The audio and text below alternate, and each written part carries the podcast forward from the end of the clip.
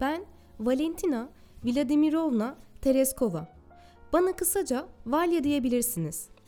6 Mart 1937'de Maslennikovo yakınlarında küçük bir köyde doğdum. Babam Vladimir Tereskov'un işi traktör şoförlüğüymüş. İkinci Dünya Savaşı sırasında Rus ordusuna katılan babam, ben henüz 2 yaşındayken savaş sırasında öldüğü için onu tanıma fırsatım olmadı. Annem Elena Fyodoronovna Tereskova ise bir pamuk fabrikasında işçiydi ve savaş sonrasında ekonomik açıdan zor koşullarda çalışarak bizleri tek başına büyüttü. Kardeşlerim Vladimir ve Ludmila çok küçüktü. Dolayısıyla evde sürekli anneme yardım etmem gerekiyordu. Bu yüzden de 10 yaşına kadar okula başlayamadım. Annem bir tekstil fabrikasında iş buldu ve büyük annemin Yaroslav'daki evine taşındık. Küçük bir köyden çıkmak ve anneannemin yanına taşınmam sayesinde eğitimime devam edebildim. Ancak olanaklarımız kısıtlıydı. Savaş sonrasında çalışabilecek erkek nüfusu da azaldığı için 1954'te bir lastik fabrikasında çırak olarak çalışmaya başladım. Bir yıl sonra annem ve kız kardeşimle birlikte pamuk fabrikasında dokuma tezgahını kullanmaya başlamıştım. Bu arada okula gitmeden posta yoluyla verilen dersleri aldım. Böylece hem çalışıyor ve aile bütçesine katkı sağlıyordum hem de okuyordum. Epey zorlanmış olsam da hafif sanayi teknik okulundan mezun olmayı başardım. Fabrikada işçiyken Genç Komünist Birliği'ne katıldım ve heyecanlı ve inatçı karakterim sayesinde kısa sürede Komünist Parti üyeliğine ilerledim. 1959'da Yaroslav Hava Spor Kulübü'ne katıldım. Gökyüzünde olmak ve boşlukta süzülerek yeryüzüne bakmak olağanüstü bir duyguydu. Eğitmenlerimin takdirini kazanan yetenekli bir amatör paraşütçü oldum. Paraşütle atladığım ilk günü unutmam mümkün değil. Eve her zamankinden daha geç gitmiştim. Evet, evdeydim ama bedenim sanki hala yere inmemiş gibiydi. Belki de görünüşümde alışılmadık bir şey vardı. Çünkü annem bir şey mi oldu? Bugün çok tuhafsın diye sordu. Ona paraşüt kulübüne katıldığımı söyleyemedim. Huzursuz etmek istemedim. Ayrıca o ilk gün bu yeni macerama devam edip etmeyeceğime tam olarak emin değildim. Ama sonrasında tam 126 başarılı atlayış yaptım. Amerika Birleşik Devletleri ve Sovyetler Birliği arasında amansız bir uzay teknoloji yarışı vardı. 1957'de Sovyetler ilk insan yapımı uydu olan Sputnik 1'i fırlattı ve ardından 1961'de kozmonot Yuri Gagarin uzaya çıkan ilk insan oldu. Dünyanın yörüngesinde uzay aracı Vostok ile tam bir tur yaptı. Bu zaferler her Sovyet genci gibi beni de heyecanlandırıyordu ve gurur duyuyordum. Bir gün gelecek ve uzaya çıkabileceğim aklımın ucundan geçmiyordu. En nihayetinde ben küçük bir kentte yaşayan, tekstil fabrikasında çalışan sıradan bir işçiydim. Ve tabii ki en önemli dezavantajımın kadın olmak olduğunu sanıyordum.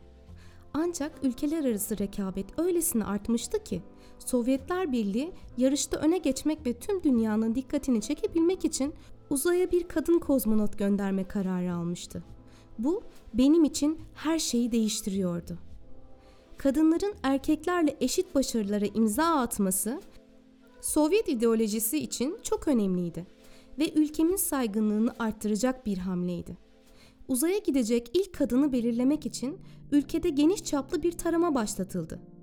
Adayların paraşütçü 30 yaşın altında 1.70 santimden kısa ve 70 kilodan hafif olması isteniyordu. Rus uzay programında paraşütle atlama tecrübesi olan insanlar aranıyordu. Çünkü dünyaya geri dönüldüğünde kozmonotlar kapsüllerden paraşütle atlamak zorundaydılar. Tek becerisi paraşütle atlamak olan bir işçi kızın kozmonot olması hayal gibiydi. Ama seçilen dört kişiden biri bendim ve diğer arkadaşlarımla birlikte yoğun bir eğitim bizi bekliyordu. 18 ay süren programda yer çekimsiz ortamda ağırlıksız hareketler, paraşüt atlamaları, uzun süre yalnız ve dar mekanda bulunabilme, merkez kaç denemeleri, roketlerin çalışma kuramları, uzay mühendisliği ve pilotluk eğitimi bulunuyordu. İşçi sınıfından geliyor olmam ve azimle çalışarak mühendislik veya pilotluk bilmememin getirdiği eksiklikleri telafi etme becerisi göstermem nedeniyle Başkan Kuruşev beni seçmişti. Artık bir teğmen ve kozmonottum ve Vostok 6 uzay aracı beni bekliyordu. Size şaşıracağınız bir şey daha söyleyeyim. Bu yaşadıklarımdan ailemin ve arkadaşlarımın haberi yoktu. Onlar özel bir paraşüt eğitimi aldığımı sanıyorlardı. İşte hayatımı değiştirecek o olağanüstü gün gelmişti. 16 Haziran 1963'te Teğmen Tereskova olarak uzaya fırlatılan ilk kadın oldum. Telsiz çağrısındaki takma adım Şeka yani Martı'ydı. Bugün bile Rusya halkı beni bu adla çağırır. Tarifsiz bir coşkuyla dünyanın yörüngesine ulaştığımda ufuk çizgisini gördüm. Dudaklarımdan bu masmavi kürenin büyüleyici güzelliğini tarif eden kelimeler dökülüvermişti. İşte bu dünyaydı ve bütün güzelliğiyle gözümün önündeydi. Ben bu tarifsiz duyguları yaşarken dünyanın dört bir yanında insanlar mikro kütle çekimli uzay ortamında gülümseyen yüzümün önünde süzülen kalemim ve seyir defterimi izlemişler. Vostok 6 uzay kapsülüyle 70 saat 50 dakikada 48 yörünge turu yaptım. Vostok 5 ise 14 Haziran'da ayrı bir yörüngeye fırlatılmıştı ve Valeri Bikoski tarafından yönetiliyordu.